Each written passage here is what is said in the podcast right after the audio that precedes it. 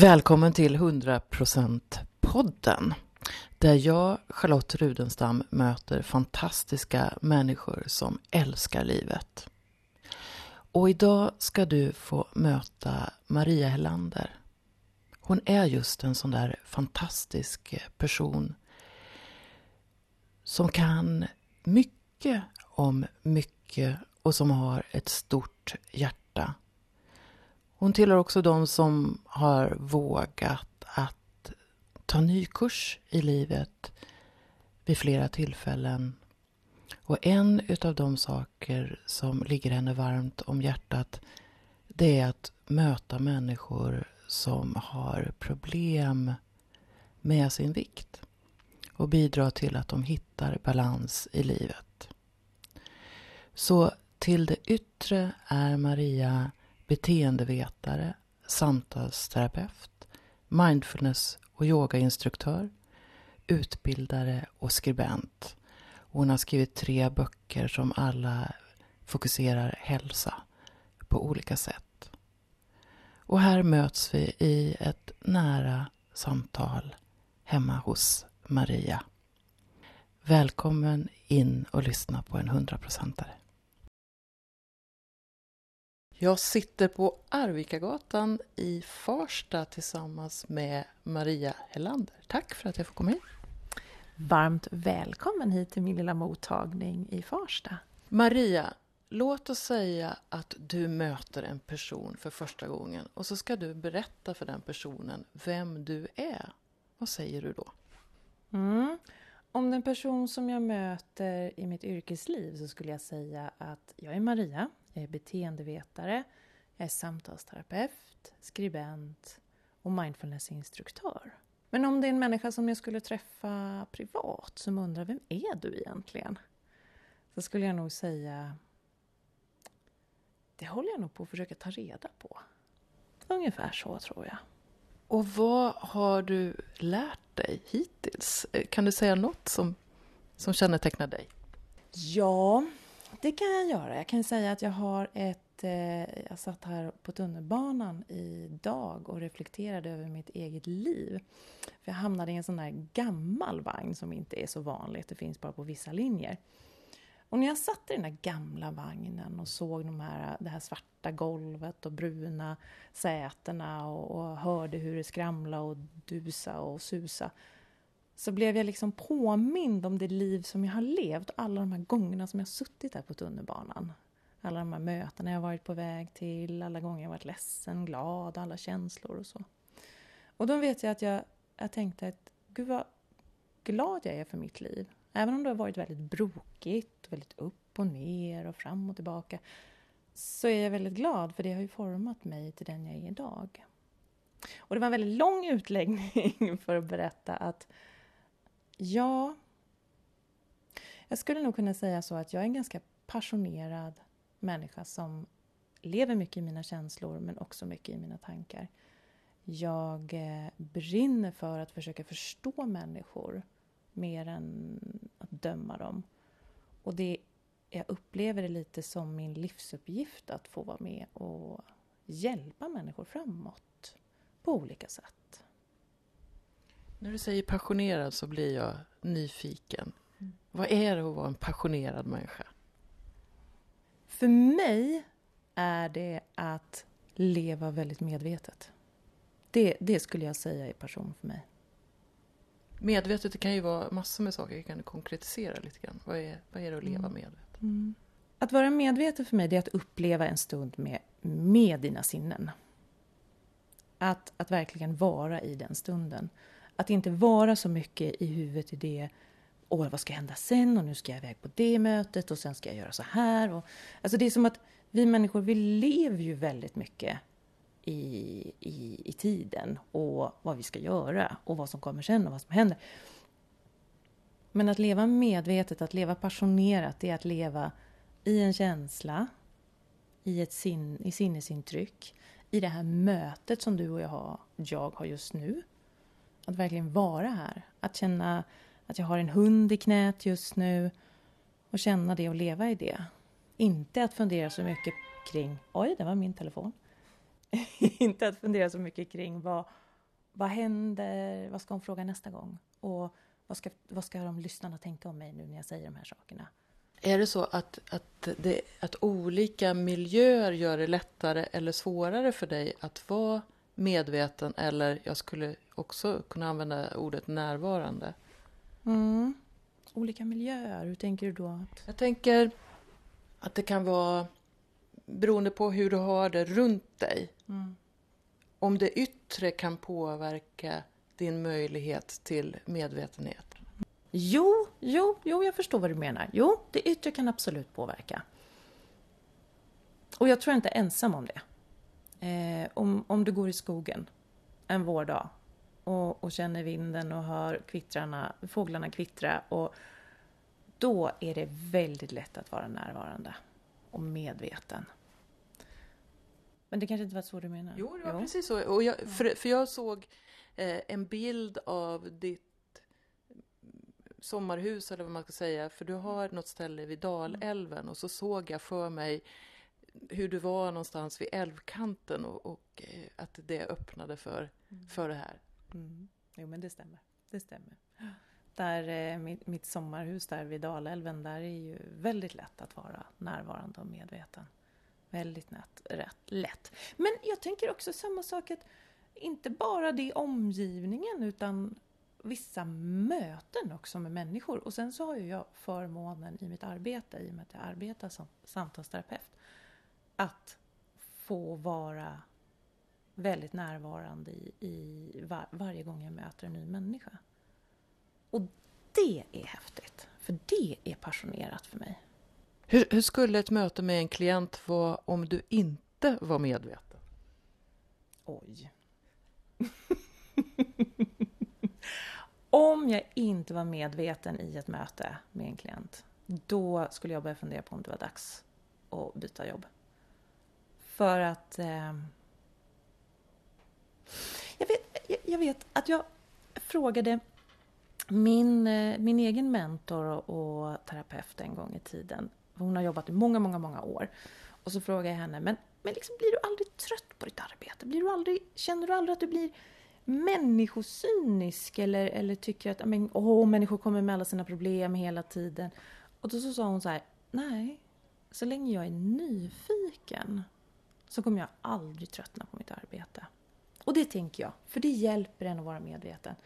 Och om jag skulle sitta med en människa och inte vara medveten, det skulle innebära att jag inte var nyfiken på den här personen. Och det tycker jag låter väldigt sorgligt. Jag håller med. Det mm. låter verkligen sorgligt. Och då tänker jag att är, är nyfikenhet en utav dina drivkrafter? Det skulle man nog kunna säga. Nyfikenhet på andra människor och... Är du nyfiken på dig själv också? Ja. ja. Jo, det är jag.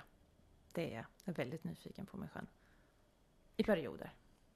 Är du en sån person som, som har gjort något, eh, vad ska man säga, lappkast eller så i livet? Eh, gått igenom någon större förändring som har fört dig hit eller har livet gått på räls ända hit?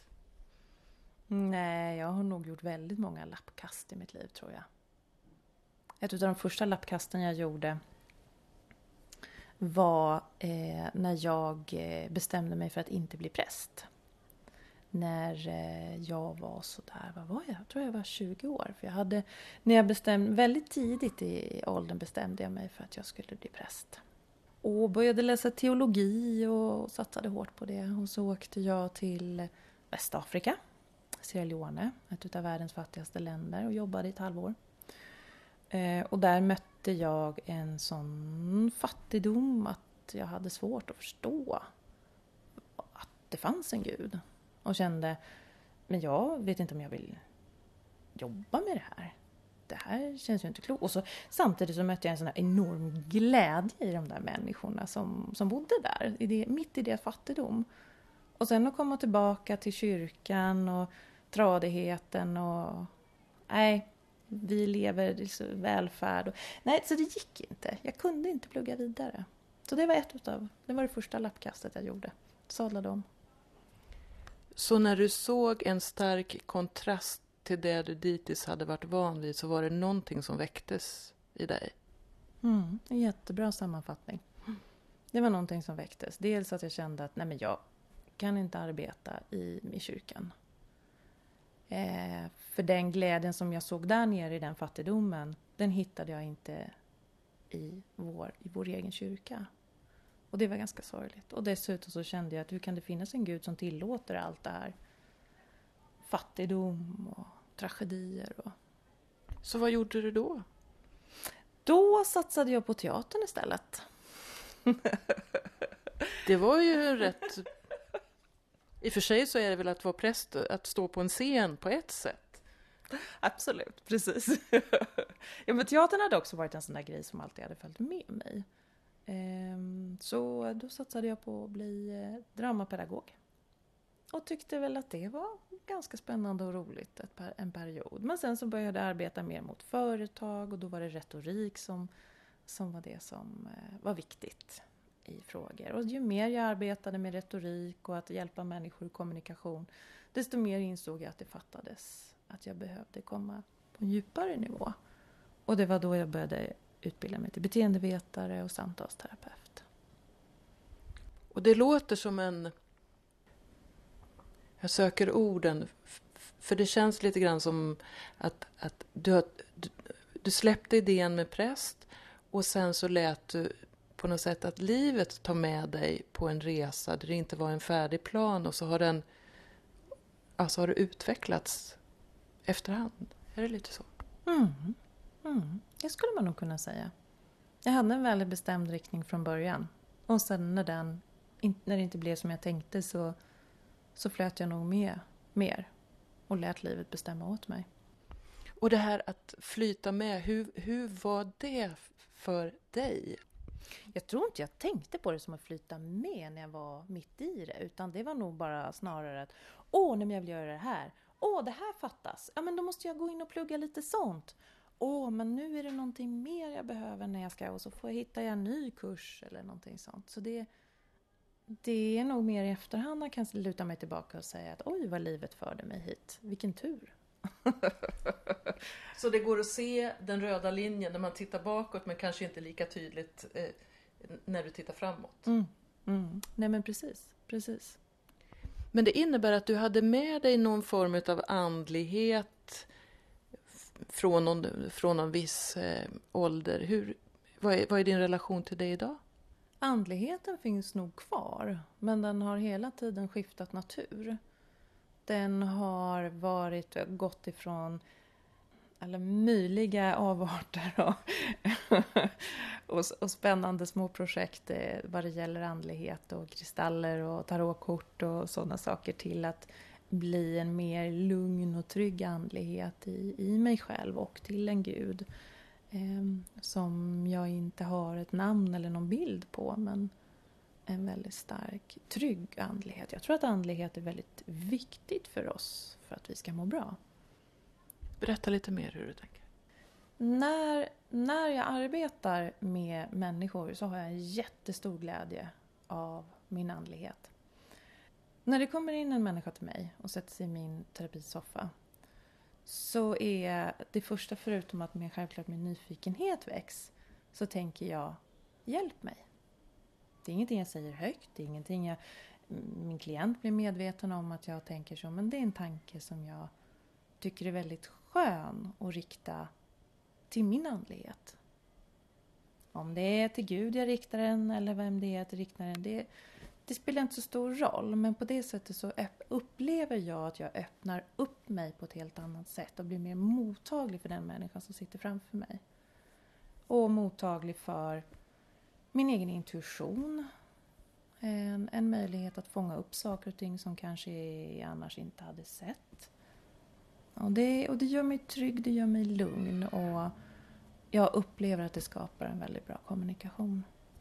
Känner du att, det här, att du blir allt tryggare i det ju mer du tillåter det? Alltså finns det en rörelse i det här? Ja, det, det är klart, det, det, är ju en, det är en skola, man lär ju sig hela tiden. Jag tror att andlighet är ingenting som, som är, är bestämt paketerat i oss från början, utan det är någonting som vi måste lära oss, precis som allting annat i livet. Eh, så, så visst, jag lär mig att öppna upp mer och mer. Och jag lär mig mer och mer om den individen som sitter i min soffa ju mer jag öppnar upp och blir, och blir mottaglig. Och det, alltså det, det, det, det är såna här, det är såna här spännande saker som faktiskt inte riktigt går att beskriva med ord och som jag sällan sätter ord på. Därför att, därför att det finns ett motstånd i samhället mot andlighet och i och med att allting ska vara så vetenskapligt och, och fyrkantigt på något sätt så det är lättare att ta på. Så därför så pratar jag inte så ofta om det. Jag tycker att de där aspekterna är väldigt eh, spännande och, och, och, jag är med i situationer när, när människor frågar mig vad jag ser till mm. exempel hos dem och där jag inte hämtar svaret från mina tankar utan att det är som att svaret kommer någon annanstans ifrån. Att orden kommer medan jag pratar. Mm. Och då känns det som att det kommer från något som är större, mm. som jag inte heller kan, kan beskriva. Men som den som tar emot det brukar känna, hmm. Mm. Nu hämtar jag hem mig lite. Mm. Gör du någonting själv för att underhålla dig, för att hämta hem dig, för att skapa den här tryggheten? Har du några dagliga rutiner eller något sånt? Jag försöker att se till att jag får en hel del både meditation och mindfulness. Men det där skiftar ju. Det går i perioder. Ibland så är man bättre, ibland är man inte lika bra på att hålla det flytande. Men det, det är en, mitt sätt. Bön och meditation tror jag är jätte, jätteviktigt för att klara av, sitt, klara av mitt arbete. Hur skiljer du på mindfulness och meditation? Mm. Det finns ju mindfulness-meditationer. När, när du fokuserar väldigt mycket på dina sinnen, ditt andetag, att vara i nuet, att vara medveten. Eh, men om jag skulle säga en, en annan meditation, så skulle jag kanske säga en mer andlig meditation. När du fokuserar på någonting i ditt inre. Eller fokuserar på ett specifikt ord som jag behöver just då. Eller olika associationsmeditationer och liknande. Där, där skiljer de sig lite åt. Men det är klart, det går ju ihop ganska mycket. Allt.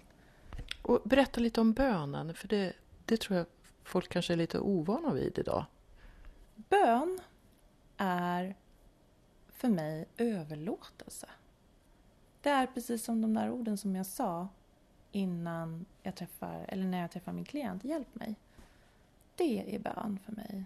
Att kunna rikta ett hjälp till någon. Det behöver inte vara desperat hjälp. Det behöver inte vara åh, jag vill ha, jag vill ha en, en, en bil och jag vill ha mera pengar och ett nytt jobb. Och, utan det kan vara hjälp mig att förstå. Eller hjälp mig att klara av den här dagen. Eller hjälp mig att komma upp ur sängen. Så det är från det lilla till det stora. Att få rykta en överlåtelse och känna tillit. Jag, jag, tror att det här är någonting som kommer att växa igen och så kanske det har varit lite för mycket förknippat med trad, traditionell religion så att en del människor har varit rädda för ordet så. Mm. Men själva det här överlåtelsen som du säger, att det kan finnas något ja, tilltalande mm. i det. Mm. Och då funderar jag på, hur vet du när du ska säga ja eller nej till något? Vilken spännande fråga! Hur vet jag det? Jag tror att det beror väldigt mycket på det, vilka sammanhang det handlar om. Säg att det är ett stort beslut. Något som du uppfattar som ett stort beslut. Jag tror, ja, stora beslut så vänder jag mig och bollar med min sambo. Det gör jag. Eh, därför att han och jag är så otroligt olika. Jag är en känslomänniska, han är en tankemänniska. Han tänker åt mig och jag känner åt honom. Och vi behöver varandra för att bolla saker och ting. Eh, så i första hand så tror jag att jag bollar med honom. Men om han säger om han skulle säga nej, nej men det där tror inte jag. Det logiskt sett så är det där inte en bra idé. Och det fortfarande känns i mig att jo, men jag vill, jag vill, jag vill, jag vill. Då går jag på den känslan. Så då, är, då är det, blir det oftast i slutändan blir det nog mest ett, ett känslomässigt beslut. Skulle du använda någonsin ordet vägledning? Jo, absolut. Det är i, i själva ordet i bönen och i, i överlåtelsen så är det klart att det ligger en förhoppning om en vägledning också. Eh, det gör det. Så många gånger så skulle jag nog kunna hoppas att, och, och känna och vilja tro att den här magkänslan kommer ur en sådan vägledning. Jag, jag har varit med om i mitt liv att jag har tackat ja till saker för att jag skulle vara smart på något sätt. Samtidigt som magen har skrikit det här är ingen bra idé. Och då har det ofta gått åt pipsvängen. Så därför har jag fått träna på att försöka reda ut vad, vad är ett jag som tjänar mig? Kan du känna igen det? Mm, mm, det kan jag göra. Men, men jag kan inte riktigt känna igen mig i att, att det går åt pipsängen. Det kan jag inte. För att jag vet inte. Jag, eller, jag, börjar, jag börjar reflektera över... Det är klart att när man tittar på saker och ting i efterhand så kan man tänka att ja men det där var väl ett mindre bra beslut. Nu ledde det till det här och det kanske inte var så bra. Men jag tänker ändå att när man, när man knyter, knyter ihop de där trådarna och de där krångliga vägarna så, så har det blivit som att ja, vägen blev förbannat krokig men, men men jäkla vad bra, för jag fick ju lite starkare ben och lite snyggare rumpa på vägen liksom. jag brukar tänka att, att allting jag har gjort fram till nu har fört mig till den här soffan där jag sitter i idag. Så att det är inte att någonting är förgäves eller så. Men det är ändå spännande för mig att se vad behöver jag lyssna på för att, att, att fatta beslut som, som är mer i linje med, med, med det jag är här för på något sätt. Vad gör du i situationen när du möter motstånd? Jag har alltid trott om mig själv att jag är en människa som ger upp väldigt lätt. Att jag är en människa som ger upp för minsta möjliga motstånd. Oj, där kom en tröskel. Nej, men nu orkar jag inte. Nej, men nu satsar jag på någonting annat. Det här var tråkigt. Men när jag tittar tillbaka så är jag nog egentligen en otroligt envis person.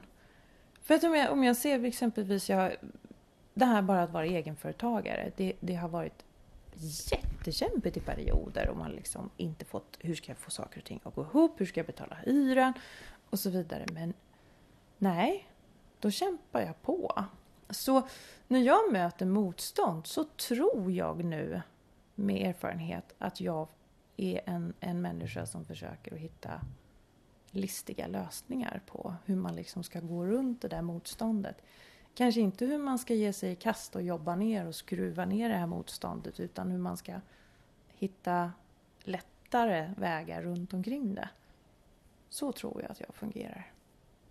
Och om det skulle vara motstånd mot dig? Mm. Eller kritik eller alltså den typen av motstånd? Tidigare blev jag väldigt, väldigt, väldigt, väldigt ledsen. Mådde jättedåligt av kritik och, och sög åt mig det väldigt lätt. Men där är någonting jag med åren har blivit bättre på att hantera. Som jag tror att de flesta människor förhoppningsvis blir om man arbetar med sin självkänsla och sin medkänsla för sig själv. Idag tror jag att jag kan Alltså för det ligger så mycket stolthet i det också. När någon kommer och säger något kritik mot dig och det, och det gör ont i dig. Så är det så mycket stolthet så du gärna liksom, äh, nej vad är det där för en skitstövel, honom vill jag inte han, jag vet inte vad han pratar om. Han har ingen aning om vad han menar. Men istället tror jag att idag så försöker jag att, att säga, att erkänna att aj, aj vad det gör ont det där. Det, det där och, det, och det är okej att det gör ont. Och se lite mer snällt på mig själv. Kan det till och med vara så att det kan ibland ge en möjlighet för dig att lära dig någon djupare aspekt av dig själv. Mm, att hamna i motstånd och få kritik av andra. Mm, absolut. Det är ju drömmen att man liksom ska kunna ta emot av, av vad andra säger och, och växa av det. Jag pratar ju om att vara 100 procent. Mm. Och eh, om jag inte ger så mycket input till det utan eh, om jag bara frågar dig, vad är det att vara 100% i dina ögon? Det, då kommer vi tillbaka till det här med medvetenhet. Att jag tror att, att vara... Att leva medvetet är att leva 100%. Att vara, för då ger du dig själv ett val. När du inte bara handlar på autopilot eller lever i tankarna någon annan i framtiden eller det som har varit utan att du lever just här nu. Då ger du dig själv ett val i hur du ska handla, hur du ska tänka, hur du ska vara, hur du ska känna, eh, hur du ska överlåta eller vad det är. Jag, jag tror att det skapar en större rikedom. Så har det varit för mig. Menar du rikedom metaforiskt eller menar du med penningar? Nej, jag menar metaforiskt. Det vore rätt gött om det kom penningar också. Kanske. Men eh, nej, jag menar rent metaforiskt att, att ett medvetet liv är ett, är ett rikare liv. Att det är ett liv, hundraprocentigt liv. Finns det några värden som är viktiga för dig? Då tänker jag värden, värderingar, det kan vara ord eh, som symboliserar något. Mm, mm. Mm, vet du, det, det som är så spännande Charlotte, tänker jag, det är det här med värden. För att jag, jag tror att, att under perioder i livet så blir vissa saker så, så växer ett ord och så är det viktigt en period och så kommer en ny period och så blir det ordet viktigt och det värdet viktigt. Eh, jag vet för, för några år sedan så, så var jag övertygad om att jag hade ett motto, eller jag hade ett motto då och det var att se det eh, se det goda i alla människor. Att det var någonting som var jätteviktigt för mig. Och framförallt i mitt arbete men även, även bland människor omkring mig. Att kunna se och upptäcka stora saker i andra människor. Men det, jag vet inte, det kanske smälter samman med mig eller någonting för det är inte lika viktigt längre. Idag är det mer eh, överlåtelse. Att det har blivit ett värde som, som jag försöker leva efter just nu. Och som har blivit väldigt, väldigt viktigt. Och det, ja, vad det kan leda och vart det tar vägen, det vet jag inte. Men det kanske om, om du frågar mig igen om ett halvår så kanske inte det ordet är viktigt eller det värdet. Utan då är det någonting annat som har kommit upp och någonting nytt som jag jobbar med. Innebär det att du undviker ord som aldrig och alltid?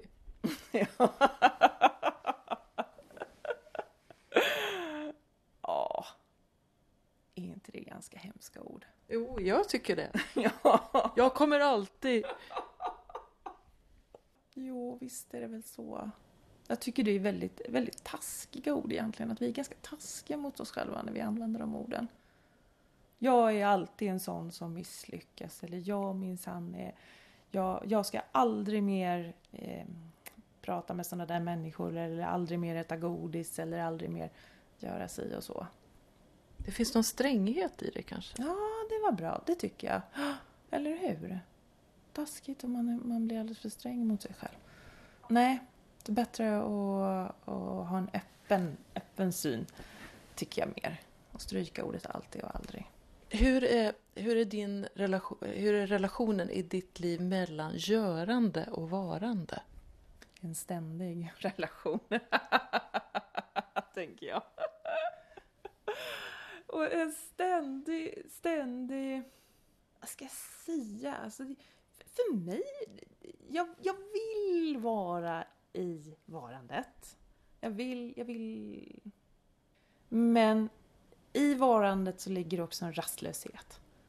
Och en, en känsla av otillräcklighet som kan smyga sig på. Och jag kan sitta i soffan och försöka i meditation eller jag bara vila eller sitta där i naturen och, och titta på Dalälven eller någonting sånt så kan jag mm, nu bara är jag. Och så kommer det där krypandes tankarna. Ja, ah, men om jag borde. Ja, men vänta nu, gräset är lite långt. Ska jag inte ta och klippa gräset? Eller jag borde ringa det där samtalet. Eller hur ska jag nu göra med den här frågan som jag ligger i framtiden?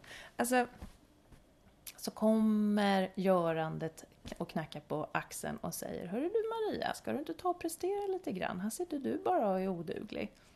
Men jag tänker också att det runt dig skapas, eller du är med och skapar, jag vet inte riktigt hur det går till, men mängder av olika eh, projekt som, som du engageras av. Hur, hur går det till?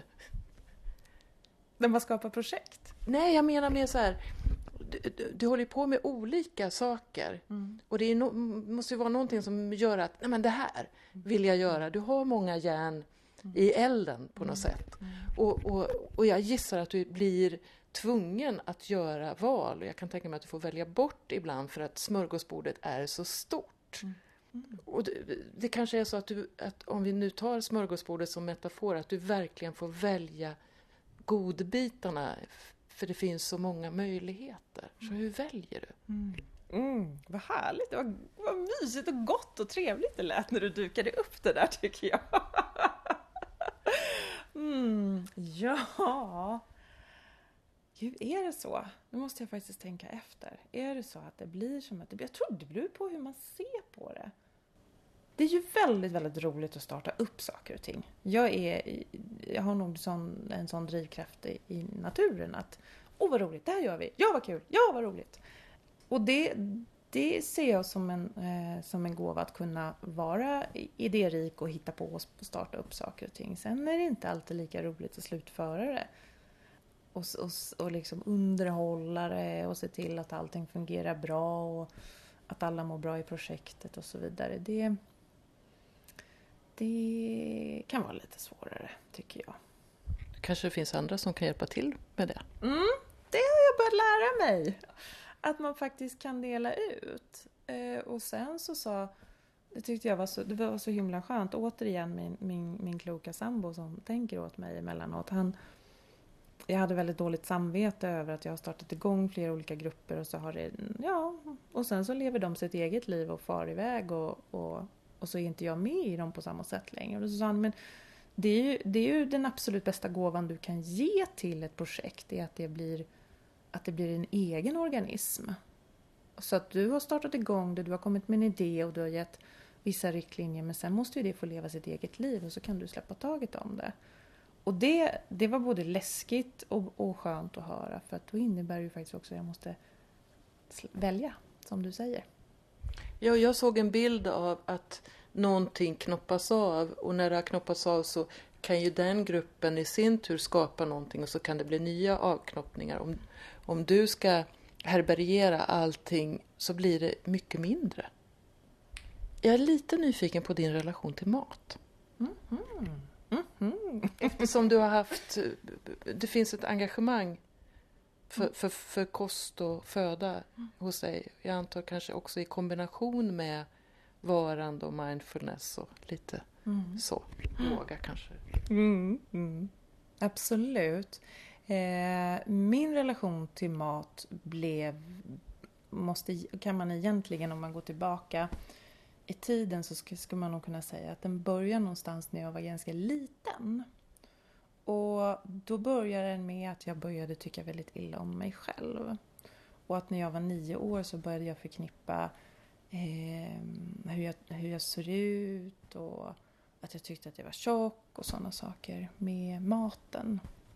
Och sen så hamnade jag, fick en ätstörningar som jag jobbade med under många, många, många år. Och det var först någon gång i 30-årsåldern som jag kände att jag kunde kalla mig fri ifrån mina ätstörningar.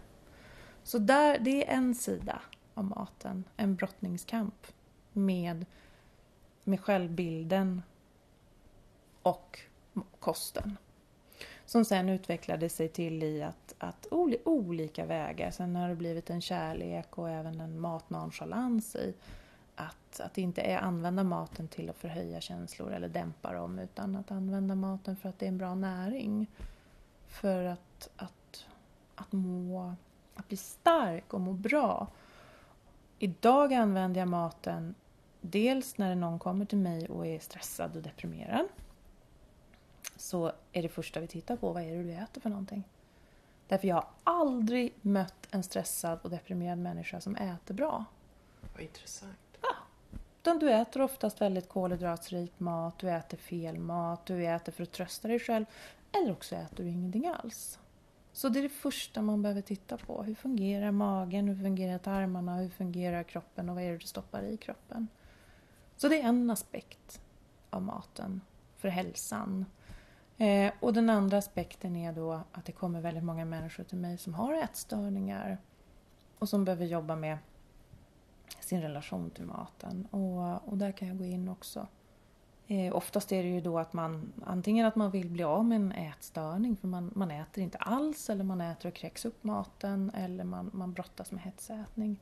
Eller också kommer man till mig och säger jag vill gå ner i vikt, jag vill gå ner sig och så mycket och så.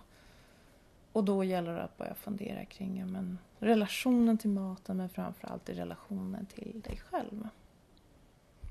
Det är otroligt spännande för, för jag menar, man, man kan ju, om jag hårdrar det då ibland, använda mat som knark. Mm. Att det blir ja, ett, ett missbruksbeteende kring, kring maten som kanske är delvis omedvetet. Mm. Mm. Ja, absolut. Visst är det. Därför att vi lever ju i ett samhälle som, som tillåter det. Tillåter, mat, alltså tillåter människor att knarka mat. Eh, uppmuntra människor att knarka mat. Redan från när de är riktigt, riktigt små så ska du använda maten till att, att få kickar av och att belöna dig själv eller trösta dig själv eller att fira fredagsmyset och så vidare. Och så vidare. Så, och, och sen, det är å ena sidan. Å andra sidan så ska du se ut på ett speciellt sätt för att vara accepterad. Och om du då tröstäter och äter väldigt mycket mat så menar då kan du inte se ut på det sättet som du ska. Och där du pratade om stränghet tidigare. Och det kommer in här också. Jag ser en dubbel bestraffning på något mm. sätt. Precis. Det är precis vad det är. Alltså att den här den här, jag, jag, alltså jag blir helt vansinnig när jag tänker på den här kulturen som vi lever i som talar om att kvinnor och män, men framförallt kvinnor tyvärr, ska se ut på speciellt sätt. Och vi tror att vi kan se ut på det sättet om vi bara skärper till oss. Om vi bara disciplinerar oss lite mer och om vi är lite strängare mot oss själva. Men problemet är att den strängheten som den föder en ännu större behov av att tröstäta.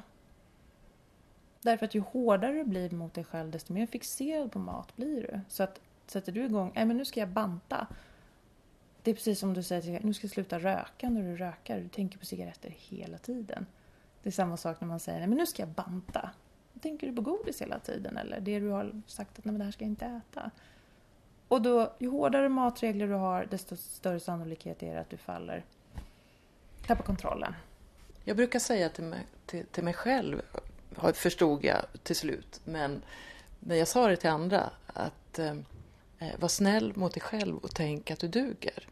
Det kan ju vara en av kärnorna i kärnpunkterna i det här att behovet av yttre bekräftelse bidrar till det här beteendet, det vill säga att tryggheten finns inte, eller mm. tillräckligt stor trygghet finns inte i en själv. Mm. Men idag, idag har du då, gillar du mat idag då? Mm. Älskar mat idag. Tycker det är helt fantastiskt med mat. Jättespännande och det är roligt att experimentera med. Och, och använda det. Använda det i meditation som i mindful eating exempelvis. Eller, eller att använda det att hjälpa människor att, att lära sig och få ett bättre för, förhållningssätt mot det. Men jag tycker du, du pratar ju helt rätt där när du säger att det handlar ju om hur man ser, hur man ser på sig själv, alltså sin egen syn att, att duga. För att under den perioden när jag mådde som sämst, jag gick inte utanför dörren för att jag tyckte att jag var så tjock och ful. Så jag förlorade en hel termin på universitetet och jag... Och det är ju helt, det är ju helt galet, för det spelar ingen roll vad människor omkring mig sa till mig eller vad min dåvarande sambo sa att men du är det snyggaste som finns. Det gick ju inte in. Så det handlar ju om min relation till mig. Det är den som skapar sen min relation till maten, hur jag använder maten. Maria, är det inte ändå rätt så häftigt att de här problemen som du hade, de utmaningar som du hade från 9 till 30, idag har lett till att en del av det du gör är att hjälpa människor med liknande erfarenheter. Mm. Visst är det spännande? Och tänk om man hade vetat det när man gick igenom det man gick igenom. Tänk vad mycket lättare det hade varit att gå igenom det då. Om man kunde känna att Ja men vad bra, nu går jag igenom det här för om en dag kommer jag att förstå och hjälpa andra. Men det är ju tungt att vara mitt uppe i sådana här saker. Men så tänker jag nu när vi är lite mer mogna. Eh, jag går igenom en del saker idag och då kan jag tänka, alltså nu har jag förmågan mm. att tänka så som jag inte kunde göra när jag var yngre. Mm. Så mm. har du lättare att hantera ja, vad vi nu ska kalla det, livets utmaningar på det sättet idag? Mm. Ja men du, det har du nog rätt i. Att jag tänker på det sättet idag. När det är tufft. Jag, jag tror att det, som man, det man kände förut också var när det gjorde så ont och det var så jobbigt när man levde in i, in i problem var att, att man inte riktigt fick tillåta sig att vara i den smärtan. För att det är inte okej att ha ont eller vara ledsen. Eller, mm, för att det känns som att tillåter jag mig då kommer allting bara bli värre. Men idag tycker jag att den synen är att, att jag, kan, jag kan tillåta mig själv att ja, det gör förbannat ont nu. Det är så. Det är, och det är faktiskt okej. Okay att det gör det. Jag, jag, jag tror att det där är så viktigt. Att livet har, är som en, som en berg och dalbana. Det går upp mm. och det går ner. Det som jag tror kanske är farligt det är om man stannar på, på ett ställe väldigt länge och mm. till exempel väljer att känna sig som ett offer under väldigt lång tid. Då, då kan det krävas lite mer för att få igång rörelsen igen. Och då får ju du jobb mm. såklart, så det är ju bra. ja. Sen bara den sista grejen som jag vill ta, det är om vi tänker att det är en person som lyssnar här och som, som behöver bli mer någonting medveten, lite mer trygg i sig själv. Jag skulle vilja att du ger någon, någon liten rekommendation, någon liten övning eller något enkelt som den personen skulle kunna göra nästan direkt Ja, det är en eh, jätteenkel övning som man kan göra för att stärka på sin egen självkänsla och sin egen självempati. Och det är bara att helt enkelt lägga båda händerna på hjärtat och så säga högt till sig själv eller tänka i tanken att jag önskar mig själv kärlek. Jag önskar mig själv trygghet Jag önskar mig själv frid. Jag önskar mig själv kärlek. Jag önskar mig själv trygghet. Jag önskar mig själv frid. Mm. Bara de tre orden och den gesten att lägga händerna på hjärtat. Det är en väldigt skön eh, övning att göra. Att vända den här omsorgen som man oftast har till andra, att vända den inåt i sig själv. Väldigt, väldigt lätt. Kanske känns lite konstigt att göra det första gången men om man prövar så kommer man se att den är väldigt fin och värdefull. Det känns skönt redan nu. Mm. Jag är jätteglad att jag fick komma och besöka dig och din gulliga hund. ja, jag är jätteglad att du ville komma hit och besöka oss. 100%-podden är verkligen ett av mina projekt. Jag tycker att det känns så viktigt att vi tar fram större delar av oss själva. Att vi vågar mer. Att vi känner att vi är original och inte kopior. Precis som Maria Hellander. Jag kommer att bjuda på en sändning i veckan och samtalen blir utav den här typen. Och jag hoppas du vill hänga med och träffa fler hundraprocentare. Och är det så att du har tips på personer som du tycker ska vara med i 100%-podden så ta gärna kontakt med mig, Charlotte Rudenstam. Ha en underbar dag.